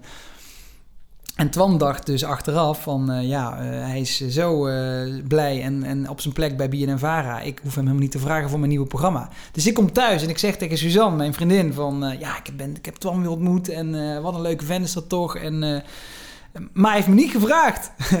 en Suus zo, ja, maar als je dat echt wil, als je het echt wil... dan moet je hem nu appen van, ik ben jouw nieuwe verslaggever. En wanneer gaan we, gaan, gaan we praten? En toen heb ik dat gedaan. En toen zei het van, ja, eh, top dat je appt. Eh, ik heb aan je gedacht. We hebben het over je gehad. Maar eh, ik, ik kwam jou tegen en je, je was zo vol lof aan het praten over al je projecten en dingen. Ik denk van, ja, het heeft helemaal geen zin. Dus dat is ook een beetje de Limburgse Oh, joh. inborst. Zo van, voor andere mensen denken. En, Maar als je niet had geappt, dan was het dus gewoon niet doorgegaan. Nee, dus dat is, dat is ja, als je iets wil, dan moet je, dan moet je er naartoe. Ja. In plaats van wachten tot ze een keer naar jou toe komen. En, eh, dus ik was hartstikke blij. En ik heb toen ook nog wel echt twee of drie eh, eh, filmpjes moeten maken om de RTL-directie en zo te overtuigen. En, en om, om de eindredactie bij, bij Blue Circle, bij de producent te overtuigen. En uiteindelijk eh, eh, ja, was het, eh, was het beklonken. Maar dan moet je iets verzinnen als je zo'n filmpje moet maken. Ja. Maar hoe doe je dat dan? Hoe gaat dat in jouw brein? Kan je ons meenemen? Ja, nou toen, dan wil je natuurlijk met iets, iets spannends komen. Dus ik ben toen een keer s'nachts met, je hebt in, in, in heel Nederland van die illegale straatraces. Dat mensen echt, ja, levensgevaarlijk hoor. Maar je hebt allemaal appgroepen en dan zeggen ze van nou, we, komende zaterdag zijn we vanaf half drie s'nachts op dat industrieterrein. Dus daar heb ik een, een reportage van gemaakt. En ik heb toen, eh, toen eh, zocht Amsterdam naar een nieuwe burgemeester. En toen ehm, had Rob Oudkerk zich eh, kandidaat gesteld. De wethouder die, ja, wat, ik denk 10 of 15 jaar geleden als wethouder moest vertrekken in Amsterdam. omdat hij ehm, eh, de dames van Lichte Zeden had bezocht. Waar tegen die als, als, eh, als wethouder moest strijden. Om, om die illegale prostitutie eh, de wereld uit te helpen. Dus ik, heb hem toen, kwam, ik kwam hem toen tegen in de kantine bij BNNVARA. Ik zeg, Rob, ik heb, een, ik heb een rare vraag. Jij wil burgemeester van Amsterdam worden. Je gaat je kandidaat stellen. Ik wil je heel graag daarover interviewen, over je drijfveren. maar het wordt nooit uitgezonden. Het is voor Twan Huis en eh, ehm, ja, het is gewoon voor een pilot. En toen heeft hij drie keer nee gezegd en de vierde keer eh, zei hij ja. En toen had ik dus die twee filmpjes en toen, eh, toen mocht ik komen naar RTL. En had je dan ook alle vrijheid weer? Nou, in het begin was dat wel moeilijk, want toen was het heel erg zoeken natuurlijk ook. Wat, wat willen we wel, wat willen we niet? En toen eh, op een bepaald moment kwam daar een eindredacteur bij die zei gewoon... Ja jongens, en nu is het over met die flauwekul, want eh Lex is gewoon format. En toen zat ik er, eh, ik geloof vier keer in de week. eh, maandag, dinsdag en donderdag, vrijdag. Alleen op woensdag niet. En ehm, toen ehm, ging ik twee keer per week, hadden we afgesproken op reportage. En die andere twee keer ging ik dan het, het, het, het, het rare, opvallende lokale nieuws. Want ik heb ook een voorliefde voor dat kneuterige lokale eh, gedoe. Eh, ja, dan ging ik twee keer per week dus ook een soort, soort samenvatting maken van alle rare frivoliteiten in de, in, de, in, de, in de kleine dorpjes en de steden. was wel aardig wat kritiek te verduren. Was, eh, in één keer eh, was het, ja, waarvoor is de vorige versie met Humberto van de tv gehaald of van Ah, de buis ja. gehaald, weet je wel. En nu was het ook weer niet goed. Wat deed dat met jullie? Ja, het zal je misschien verbazen, maar in die tijd dat we het maakten, deed dat met mij ehm, niet zo heel veel. En dat is ook eh, omdat natuurlijk de meeste kritiek op, op, op Twan afkwam. Dat vond ik, ik had wel met hem enorm te doen. Maar ehm, ik, ik ben ook wel een man van de lange adem. Dus ik had niet kunnen inzien dat eigenlijk zo snel, eh, uiteindelijk binnen een half jaar geloof ik, of even kijken, september tot eh, februari, ja, dat is een dik half jaar. Ja, ja. Ik had, ja, dat was ook een beetje naïviteit misschien, maar ik had niet verwacht dat zo snel eh, dan ook wel eh, de, de, de knuppel in het hoenderhok werd gegooid. Of dat, dat, ja, dat we moesten stoppen. Dus ik was, ik was ook een beetje kop in het zand en eh, gewoon je uiterste en stinkende best doen om elke dag in ieder geval vanuit mij ja, iets, iets, een opzienbarende drie of vier minuten te maken aan die tafel. Ja. Nou ja, het is wel, je, kan, je kan ook inderdaad je kop laten hangen. Of in ieder geval, hè, maar dat doe je dan eigenlijk helemaal niet inderdaad. Omdat er een, een, hè, kritiek en, en cijfers vallen misschien tegen en dat soort dingen. Wel Ja. goed dat je wel gewoon, ja, we- wat je zegt, gewoon lekker blijft doorgaan. En eh, Ja. je staat ergens voor en, en, en daar ga je voor. Maar ik ben nu ook niet met kijkcijfers bezig bij Boulevard. Als Nee. we, we krijgen dan elke dag een appje van de eindredactie van... hé, hey, zoveel heeft het gescoord en dit en dat en zo en zo. En dat is natuurlijk super belangrijk voor RTL, dat snap ik allemaal. Maar ik ben gewoon, als ik zo'n uitzending maak of zo'n uitzending voorbereid... dan ben ik gewoon bezig met... ja, hoe kunnen we eh, een zo leuk en zo snel en zo vlot mogelijk programma maken. En, en nu gaat het hartstikke goed met Boulevard, want dat, dat, eh, dat scoort de pannen van het dak. Maar ehm, ja, daar ben ik ook, dus ook als het supergoed gaat, ben ik er dus blijkbaar niet zo mee bezig. Niet zo gevoelig voor ook Nee, dan. nee, ja, nee. Nou ja, dat is alleen maar goed. Maar je bent heel erg creatief, hè? dat komt steeds terug. Maar hoe is dat als je heel erg creatief bent en je, ja, je zei het net al, ik, ik lees Autocue van Boulevard. Kan jij helemaal je ei kwijt nu?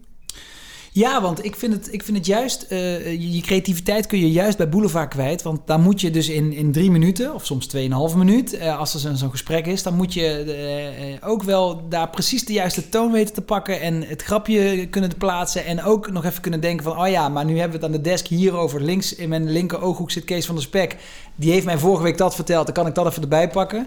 Dus je moet ook heel snel ehm, wel schakelen, ja. Ja, Dus eigenlijk ook superleuk. Weer heel wat anders dan wat je gedaan hebt, maar Ja, superleuk. het enige jammer is dat je, dat je dan Boulevard niet kunt monteren. Want ik vind monteren ook wel echt top. Want dan kun je... eh, eigenlijk is dat misschien nog wel een groot... Het, het grootste creatieve ding van, van iets maken is het monteren. Ja. Kijk, wij kunnen nu een leuk gesprek Ja. hebben. Maar als je dit, dit uur of dit anderhalf uur of whatever we ook, eh, hoe lang we ook praten. Maar als je dat gaat monteren, dan kun je er alweer... Dan kun jij er met muziekjes of, of hè, met, met knipjes... Of daar kun je weer iets, iets, een heel andere wereld van, van scheppen. En dat vind ik eh, ook echt top. Ja, dat gaan we niet doen met dit gesprek. dit houden we gewoon naturel. Oké. Maar eh, Jammer. ik snap je punt, absoluut. Zullen we even een stukje Boulevard doen? Omdat we er toch zijn? Als jij eh, terug zou kunnen naar een eh, herinnering, maakt niet uit welke, gewoon ooit in je leven. Wat zou je kiezen? De eerste keer liefde bedrijven? Oké. En zou die persoon dat ook willen, met wie je dat toen deed? Oh, dat denk ik niet, maar ik kan me daar altijd zo bar weinig van herinneren. Dat is zo zonde. En zou je, had je dingen willen veranderen? Ik moet even door. Oké. Cute. Dat je open doet, ik had het helemaal niet verwacht. Ja, nou, het is wel echt de tijd. Het is er ietsjes vroeg nog. Ah, wil je vandaan of maakt het helemaal niet uit? Oh, we zijn live, hè? Eh, ja, nou ja, goed. eh, ja, ik ga slapen weer nog even. Maar eh, nee, eh, wil je echt binnenkomen? Is dit? Nee, dat doe ik niet. Nee, niet binnenkomen. Maar mag ik je wel dit ontbijtje aan? Ja, dat vind ik heel lief. Ga nog een wekker, top. Nog een week. Maar eh, je, je, je gaat er niet meer slapen, toch? Of wel? Ja, eh, elke seconde telt. Ja, natuurlijk. Hoe laat sta je normaal op dan? Nou, ik, ja, normaal, dat is nog geen normaal. Hè? Ik bedoel, ik doe dit net even eh, een paar weken, maar eh, kwart voor drie is de de goede tijd. Dan kun je nu nog een half uurtje slapen.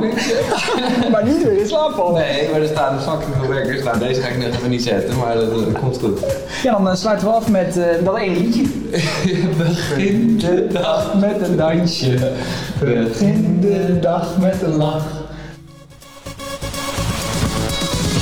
Ja, leuk ja, van de RTL Late Night eh, uiteindelijk naar RTL Boulevard natuurlijk ja, overgestapt. Of in ieder geval, eh, had het te maken ook met dat het dan door dezelfde producent gebeurt? Dat je dan uiteindelijk al die mensen kent en een beetje weet wat je aan elkaar hebt en dat soort ja, dingen? nee, Of dat, dat, dat hielp wel. Ja, Ja. natuurlijk. Ik kende naar de mensen en, eh, en, en, ja, zij opperden al redelijk snel van... Hey, moeten we eens niet onderzoeken of Boulevard iets voor je is? En toen heb ik dat eerst drie maanden achter de schermen gemaakt... om de mensen te leren kennen, om, om ook het programma te leren kennen. Als je Spa rood trouwens drinkt, dan moet je echt een hele, hele tijd boeren. Ja, dat komt omhoog, hè? Ja, Ja, ik- vandaar dat wij aan het blauw zitten. Ja, ik ben zo Ik wist onprofessioneel. Zo Maar Lex, dat moet jij toch weten, Lex, eigenlijk, hè? Maar- Ja, ja, meestal tijdens mijn radioprogramma dronk ik gewoon eh, Malibu Cola. Ja, natuurlijk. Ja, ja. Nee, maar dat, dat doen we hierna. Oh, lekker. Eh, nee, dus, Maar, dit- ja, ja, dus, ja. nee, dus, dus, dus eh, die, die link was eh, snel gelegd. En toen vond ik het ook superleuk om eerst achter de schermen in de, in, in de luwte eventjes het programma te leren kennen. En toen ben ik zo zoetjes aan gaan, gaan reporteren, noemen ze dat bij Boulevard. Dus dat je in beeld als, als presentator Ja. iemand gaat interviewen. Zoals bij Giel net zo eh hoorde. Maar dat monteer je dan niet zelf? Of het- Ja, dat, dat ligt er een beetje aan. Als je iets op de dag zelf maakt en je moet naar Schubbeke TV en iemand interviewen en je hebt Treintje Oosthuis geïnterviewd en dan moet dat s'avonds op televisie, dan maakt de redacteur dat op de redactie. Maar soms als je iets draait en het moet bijvoorbeeld een dag daarna, dan eh, kan ik het ook wel eens eh, gewoon s'avonds. Ik heb bijvoorbeeld zo'n hele serie gemaakt met alle lijsttrekkers voor de Tweede Kamerverkiezingen. En dan, dan is het ook mijn eer te na om dat niet zelf, dan wil ik dat ook zelf monteren en dan ga ik Ja. het gewoon s'avonds in mijn eigen tijd. Ja, ik ben ook een nerd. En, en Ja, maar vriendin- dat ja, mooi. Ja. Voelt als de perfecte combi, toch dan? Ja, Want nee, nee, Wat jij zeker. zegt, ja. ja, maar je kunt ook denken van, nou, ik concentreer me op een supergoed interview en eh, de rest durf ik af te geven aan een andere supergetalenteerde redacteur. En dat doe ik ook heel vaak, maar bij echt belangrijke dingetjes voor mezelf althans wil ik het dan toch ook zelf maken. Maar is dat dan omdat je het leuk vindt of dat je het gewoon echt goed wil hebben? Mm, nee, ik wil het vooral echt goed hebben. Maar ik vind het tegelijkertijd ook heel leuk. Wat ik zeg, ik vind monteren, dat is, je kunt een slecht interview hebben. Daar kun je met montage echt een top, interview, een top itempie van maken. Ja, we gaan ons best weer doen. maar dan kan je dingen moeilijk uit handen geven. Ja, dat kan ik heel slecht, ja. Ja, nee, ik ben een echt controlfreak. eh, Dat is bij mij zo ongeveer begonnen, ja. Irritant, hè? Helemaal niet leuk en sympathiek, maar... ehm, Nee, maar je streeft wel naar perfectie en naar kwaliteit. En dat is natuurlijk ook goed. Nou ja, het is gewoon ook soms dat, dat als je daar eh, eh, niet per se bij Boulevard, maar ik, ik heb ook wel eens dingen. eh, ja, bijvoorbeeld bij Late Night moest je soms ook echt. ehm, eh, ja, dan, had je, dan was je 's ochtends half negen begonnen. Dan ging je 's middags om half drie iemand interviewen. En dan was je om half vijf of vijf uur weer thuis op de redactie. Ja, dan moest je om half elf ook weer in, in, de, in de studio zijn. Ja, dus de eerste maanden ging ik echt eh, ook dat allemaal zelf monteren. Maar op een gegeven moment werd ik helemaal gek, joh. En toen, eh, dan moet je dus dingen uit handen geven. En, eh, maar dan ging ik dus wel, dat is ook irritant, dan ging ik dus de quotes nog even snel leggen van dit, dit, dat, zo, zo. En dan de rest, weet je wel, met de muziekjes en de dingen, dat, dat geloof ik dan wel, ja. Kon ik ook moeilijk uit handen geven, ja. Ja, ik kan me voorstellen. Ja, je, je- moet wel, en ook met jouw vak, op, op vage tijden altijd scherp zijn. Of heel vroeg in de morgen, of inderdaad s'avonds laat. Of nou goed, met, met Boulevard, dat, dan valt dat mee. Maar Ja. je hebt vaak wel natuurlijk de, de, de, de hele dag die op een bepaalde manier moet Ik vond, inrichten ik vond, ik vond het ook toch? raar dat jullie om, om dit om vier uur s'nachts willen op. Waarom zitten we hier om vier uur Is s'nachts? ook een beetje gek, ja. We hadden ook gewoon om, eh, om half tien 's ochtends kunnen afspreken. Ja, we willen toch een beetje dat nachtradiogevoel hebben. nou mensen. en dat, dat ik ook naakt hier naartoe moet komen, vind ik ook raar. Maar goed. Ja, mooi. Ehm, ja, precies. Wat, wat, eh, ja, goed, we hebben het gehad over Late Night Boulevard. Dat is natuurlijk wat je tot op de dag van vandaag nog steeds doet. Zijn er, komen er leuke dingen aan? Hebben we misschien ook nog een... een je, gaf net inderdaad aan dat je natuurlijk wel eens audities hebt gedaan. Eh, nou, dat is bij Late Night bijvoorbeeld allemaal helemaal goed uitgepakt. Zijn er misschien ook audities geweest die je gedaan hebt... die je uiteindelijk misschien heel graag had willen doen... maar wat, wat tot niks is uitgelopen of zo? Is, Nou, ik heb, eh, ik heb een keer auditie gedaan voor de Jakhalzen. En toen, werd, toen werd ik het niet. En toen een half jaar later werd ik het toch. Want ze hadden dan bij godsgratie besloten met de leiding dat ik eh, mocht komen. En ja, de- toen was de, de Draait Door echt het toppunt van zijn roem. Ja. Ik ben 40. Ik, Spaartje rood. Ja, precies. Eh spaarrood, boeren. Nee, en toen, eh, toen mocht ik... Maar ik was veel te jong. Dus ik heb daar uiteindelijk denk ik zes items of zo in een seizoen eh, op televisie gekregen. En de rest eh, maakte Erik eh, Dijkstra en Frank Evenblij en Janine Abbring. In die tijd zat ik er. Dus ook met drie eh, ja, scherpschutters. En ehm, dus qua... eigenlijk... Ja, dat heb ik nooit gered. Dus ik mocht dat doen, maar uiteindelijk was het veel te vroeg in mijn carrière. Was ik gewoon veel te bleu en veel te weinig levenservaring. En, dus qua, ja, dat is niet echt een auditie, want ik heb dat baantje dan wel gekregen. Maar ik was daar natuurlijk niet op mijn plek en ook niet gelukkig of zo, nee. Auditie, ik zit te denken, ik- auditie. Ik, heb auditie gedaan voor het Jeugdjournaal. Ben, Oh. ben ik niet geworden. Vind je dat jammer? Had ik toen heel leuk gevonden. Wa- Was ik ook echt een andere kant op gegaan. Want Ja. het Jeugdjournaal is toch ook wel serieus. En NOS en eh, ambtenaren en weet ik wat allemaal. Maar ehm, dus, dus de vrijheid die ik nu heb met muziek maken... en, en een televisieprogramma presenteren... en, en eh, liedjes maken en, en een podcast maken voor BNN Vara... en zeg maar, dat, dat vind ik nu heerlijk. En dan had ik... al Was ik bij het Jeugdjournaal toen aangenomen, had ik een, echt een ander leven eh, gehad. Misschien iets gestructureerder en iets eh, overzichtelijker allemaal. Ook, Ja. ook, ook fijn, maar eh, dat wilde ik toen heel graag. Ja, dat is toen niet gelukt. Maar ze gaan ook vaak van jeugdjournaal naar het journaal of naar Ja, het is echt een- sport, ja. hoe heet het, Studio Ja. Sport. Ja. Had je toch misschien nog voetbalverslaggever kunnen worden? Ja, maar toen was ik denk ik wel de echte de, de, de liefde voor voetbal een beetje kwijt. Ik ben ook afgewezen bij het Klokhuis.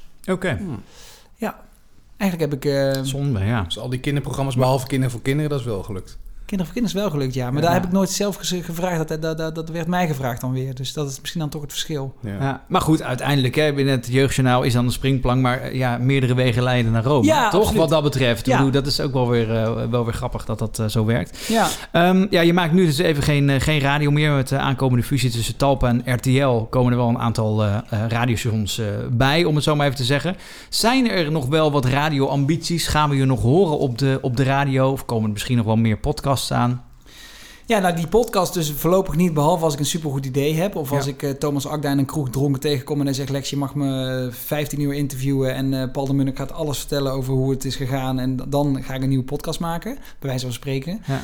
Eh, tot dat moment eh, er is eh, niet. Ehm, oh, ik word gebeld. Dat kan allemaal. Mijn vriendin belt me, jongens. Heel slecht. Maar... ehm, Je mag opnemen hoor. op. Nee, nee, nee, zeker niet. Nee.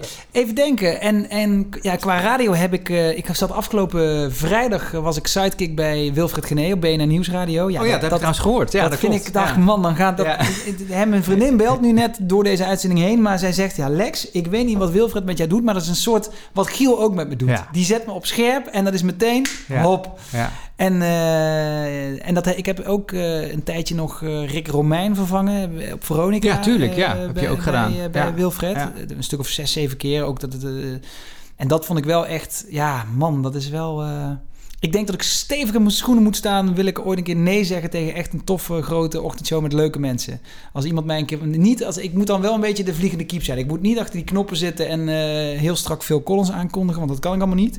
En dat interesseert me ook niet. Maar ik, ik eh, items maken en bedenken en mensen bellen Ja. en interviewen. Ja. En mijn ultieme doel is, maar dan moet ik echt oud zijn om, om gewoon lange, goede gesprekken op de radio. Kijk, Radio Kunststof, Mhm. dat luister ik bijna elke dag eh, via de podcast. Eh, daar ben ik nu ook nog niet klaar en rijp voor. Maar ooit, weet je wel, eh, zoals Gijs Groenteman dat doet... of, of eh, Frank van der Linden, of Jelly Brouwer... of Petra Possel vroeger... Ja, dat vind ik wel echt schitterend. Hoe zij echt tot de kern kunnen komen... tot mensen ook allemaal dingen vertellen... die ze eigenlijk helemaal niet willen vertellen. Ja, dat vind ik wel een vak apart. Dat is wel een soort eh, ultieme toekomstdroom. Leuk. Nou ja, kunststof, ja, wie weet toch? Wat dat Ja. betreft, ja. Nou, wat ik wel grappig vond, om nog heel even terug te grijpen op BNR, waar je zat inderdaad met Oh, Casper ja. van Koten. Dat, Oh, ja. jij, want jij was daar wel lekker aan het prikken. Jullie hebben dus, dus dezelfde ex. Ja. En, en jij vertelde dat, maar hij was daar best wel een beetje door overrompeld of zo. Hij had er niet helemaal rekening mee gehouden. Nee. Is dat iets wat, wat op dat moment ontstond? Ik heb trouwens ook dezelfde ex als jij. Oh ja? Vraag maar aan je vrouw. Ja, je, bent, wel, met- je bent wel meteen even van, die zie je niet aankomen. Nee, maar met Casper van Koten was het wel echt ja. En dat bed- bedacht ik, eh, toen hij binnenkwam, dacht ik, kut ja, eh, mijn ex heeft me dat een keer verteld, dat zij ook gerommeld heeft met Casper. En eh, ja, dan kan ik het ook niet laten als dan die genee naast me zit, die ook al de hele tijd mij zit Ja. uit te dagen. Ja, dan zit ik gewoon in dat standje en dan, Wel mooi. ja, dan wordt, is het soms zonde dat het wordt uitgezonden. Of, is- of ja. heel leuk. Grappig dat het ook gewoon live radio is dan. Hè? Dat Ja. het- ja, je kan niet meer terug. En Casper kan het ook leuk pareren. Ja, nee, natuurlijk. tuurlijk. Dat, dat. Was, het was een leuk gesprek. Was een leuk Ja. gesprek. Ehm, ja, we zijn er eh, wat- redelijk doorheen. We hebben nog een paar eh, eh, eh, vragen met betrekking tot radio en tv. Of hoe jij een beetje het landschap ziet. Nou, daar hebben we het al deels al wel een beetje over gehad. Ehm, hoe, hoe zie jij eh, eh, de, de radio bijvoorbeeld over tien jaar? Eh, en dan ook ten opzichte van, van de podcasting. Wat natuurlijk eh, flink upcoming is. On-demand, audio en dat soort dingen. Eh, is de radio er nog over tien jaar bijvoorbeeld? Ja, dat vind ik altijd hele moeilijke vragen die jullie stellen. Maar maar ik denk het wel. Eh, is zeker eh, als nieuwsvoorziener. Ehm, ja, je ziet ook dat audio de afgelopen jaren zo ook weer immens populair is geworden door podcasting. Dus ja, ik kan me niet voorstellen dat dat, dat, dat weggaat. Want mensen zullen altijd... Ja, ik vind het ook zo fijn als je dan eh, bij wijze van spreken je telefoon in een vliegtuig niet kunt gebruiken... maar wel gewoon vijf podcastjes op je... te- ja, dat is gewoon top. Dat is Ja. gewoon... Nee, ik kan me niet voorstellen dat het stopt. En eh, wat ik zeg, zeker als nieuwsvoorziener... Ja, ik vind wel dat er best veel radio in Nederland is. Hè? Ook alleen al die 's ochtends. Je hebt van Veronica tot Q, tot, tot 538, tot Radio 1, tot BNR, tot... Noem het tot Kink met Michiel Veenstra. Je, hebt, je kan alle kanten op. Dus ik, ik vraag me wel af... oh, ja, maar dat, goed, dat zijn dan ook baasjes weer die daar eh, verstand van hebben. Maar hoe rendabel dat eh, voor alle stations is... Ja, dat... Ja, Ja, dat is natuurlijk ook niet, niet voor niks inderdaad dat er wel gefuseerd wordt hier en daar wat dat betreft. Dus dat zal er allemaal wel mee te maken hebben. Ja. Nou, benieuwd. We gaan, het, we gaan het zien over een jaar of tien. En, en als we kijken naar, naar de tv-kant, is, hoe, hoe zie, je, zie je dat? Is dat nog een rooskleurige toekomst die je daar eh, voor het medium tv ziet? ja, ik geloof dat wel de, de kijkcijfers gewoon gestaag afnemen. Hè? Minder mensen kijken. Ja. Toch? Dat is wel een beetje de... de, Nou, de met een hoop mensen die gooien gewoon de, benchmark. de lopende abonnementen eruit. Hè. Die kijken alleen nog maar Netflix en eh, NPO Start Plus, Ja. dat soort eh, dingen. Ja, maar via die apps kun je dus ook weer live televisie kijken. Ja. Ja. Ja. Nou, ik denk dat, dat ehm, eh, voor, voor goede ideeën en voor goede programma, de- de- de- eh, of, of een programmaatje nu op NPO 3 te zien is, of op RTL of op Videoland, dat maakt uiteindelijk niks meer uit, denk ik. En maar dat maakt, ik, ik ben al, ik ben al, ja, ik ben nu 35, dus ik ben al een beetje oud, maar ook ergens nog een beetje jong. Eh, en mij maakt het dan niet, ik kijk ook al bijna geen eh, lineaire televisie meer. Nee. Wat, wat, wat, wat kijk je bijvoorbeeld wel dan? Of waar ga je echt op aan? Ik ga aan op, eh, op, eh, op eh, goede interviews. Dus als Jeroen Pauw bijvoorbeeld vijf jaar later maakt rond kerst, dat kijk ik altijd wel. Omdat Ja. ik dat ook gewoon zo'n goed idee vind. Ehm, maar ik ga ook aan op, op Pulp. Dus ik, ga, ik kijk ook Temptation Island USA. Ja. Ik tegenover USA ook, hè? Ja. Ja. maar daar is het echt nog een tandje Ja. anders. Daar, ze, daar zijn de vrijgezellen namelijk ook oprecht op zoek naar de liefde. En, en in Nederland is het eh, vaak toch een soort pauperparadijs... eh, waarin eh, allemaal mensen na één avondje wodka Red Bull eh, met iemand anders staan te tongen. Maar dat is daar eh, op, toch op een andere manier. En die presentator is ook echt een zwaargewicht... die ook echt het psychologische gesprek aangaat met die kandidaten. Van waarom doe je nu? Waarom, hè? Gisteren was je nog met je liefde en, en nu eh, zeg je openlijk in een gesprek toch... wat zegt dat over jou, weet je wel? Gewoon echt, echt goed interviewen, ja. Dus wat kijk ik nog meer? Ja, ik kijk, ik, kijk series. Ik, vind ook wel, ik vind, ben ook wel fan van Nederlandse dingen die gemaakt worden. Dus nu die serie over Pim Fortuyn. Ja. Ja, dat vind ik wel echt magnifiek. Dat is ook een... Ik ben ook wel lief, eh, voor, eh, een liefhebber van, van, van bijvoorbeeld politieke docus of zo. Of, of docus over, eh, over bijvoorbeeld een, een film, docufilm over Paul de Leeuw laatst. Ja, dat, vind ik, dat ga ik allemaal wel checken, ja. ja. Leuk. Beetje Ja. de nostalgische dingen ook. Wat hebben we gemist? We hebben ja, bijna alles wel aangetikt, maar er zijn misschien nog wat dingen dat je denkt van... hé, hey, maar we hebben het daar niet over gehad. Of dat verhaal wil ik nog even vertellen. Nou ja, mijn, mijn, mijn carrière als drugshandelaar. Vertel. Nou ja, je kunt dus bij mij cocaïne bestellen. Dat, ja. En dan moet je toch zeggen, dat doen we dan achter het muurtje, toch? Dat is, moet je dan, Ja. Volgens mij willen ze zo. Ja. Nee, ik zit te denken, jongens, maar volgens mij hebben we alles wel. eh, ik heb gezegd dat ik bijna ontslagen was. Ik heb, we hebben het over Twan Huis gehad. We hebben het over Boulevard gehad. Over liedjes. Over. eh, ja. Over de, we hebben het zelfs over de tumortapes gehad. Over de liefde. De Wikipedia is helemaal aangetikt. Ja, dat. Ja, zeker, ja. Dat sowieso, ja. Ja, Ja, Wat ja, goed. Nou, dan gaan we naar... eh, De krantenkop. Want stel, je zou je carrière moeten omschrijven in één krantenkop. Welke zou dat zijn, Lex? Ehm, ja, dan, d- d- eh, dan moet iets in van, van eh, grote mond, klein hartje. Maar ook eh, een beetje door schade en schande wijs geworden. Ehm, ja, en, en misschien is de kern wel dat, je, dat ik toch uiteindelijk echt leuke en mooie dingen ben gaan maken. Vind ik zelf althans. Toen ik eh, 100% mezelf durfde te zijn. Dus als je niet meer zo grappig als die wil zijn, of niet zo knap als die ander, of niet zo, eh, zo mooi wil praten als weer, weer een ander, maar echt gewoon denkt van ja, maar ik ben Lex en er is maar één Lex, of er is maar één eh, Pietje, Jantje, Klaasje, Joep, eh, whatever. Ja, dan. eh, dat is wel een dooddoener, hè? wees jezelf. Nee, maar ja, nou, dat is Ja, meteen, een, ja. meteen een mooie tip voor eh, alle nieuwe talenten. Als die, dat eh, die werkt, luisteren. dan maar ja. eh, gooi je hem er gewoon in, toch? Ja. Als krantenkop. Ja, maar dat is, dat is denk ik wel eh, waar het misschien allemaal wel een beetje op neerkomt, toch? Ja, maar de, krant, de echte krantenkop wordt, er moet altijd wat gebeuren. Kijk, nou, heel goed. Geen kabbel de kabbel. Geen kabbel de kabbel. Dat is de ondertitel. ja, precies. Ja, dan zijn we aangekomen bij de allerlaatste vraag. Eh, ja, we hebben het eigenlijk net al over de alcohol gehad, maar eh, deze vraag die heeft daar ook een klein beetje betrekking op. De belangrijkste, denk ik. Ehm, wit of rood, Lex? Wit als het om wijn gaat. Kijk, nou ja, daar gaat het Oh. over. Peter die eh, staat op en die Oh, pakt het, eh, het, het tasje met eh, witte wijn. Alsjeblieft. Dankjewel, dankjewel. Ehm, Sympathiek, sympathiek. Ja, eh, heel veel dank, eh, Lex. Oh, je pakt hem uit. Is het wat? Of, eh? Nou, ik heb de Vivino-app nu net geopend. Oh, kijk eens. 1.2 en hij kost 4,99. Ah, zijn we toch door de man gevallen. nou goed, we hebben iets meer verstand van podcast misschien, hopelijk. Eh nee, Lex, heel veel eh, dank eh, voor jouw komst. Ja.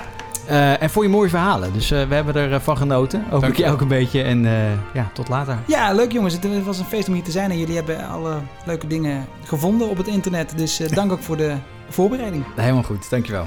Ja, en met Lex komen we aan het einde van het tweede seizoen van de broadcast. De tijd is echt voorbij gevlogen. Niet normaal. Superleuke gesprekken gehad. Iedereen die te gast is geweest in dit seizoen. Ontzettend bedankt nogmaals daarvoor. We komen terug met seizoen 3. Dat zal ongeveer eind augustus, begin september zijn, is nu de planning. Dus hou ons even in de gaten op eh, de socials bijvoorbeeld. Dan eh, mis je niks meer. De met DE broadcast.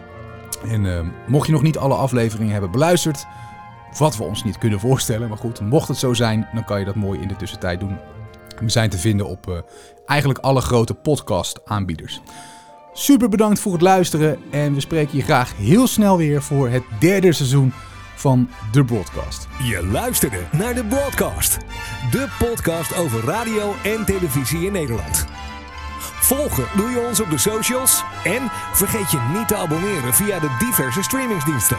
Graag tot de volgende broadcast.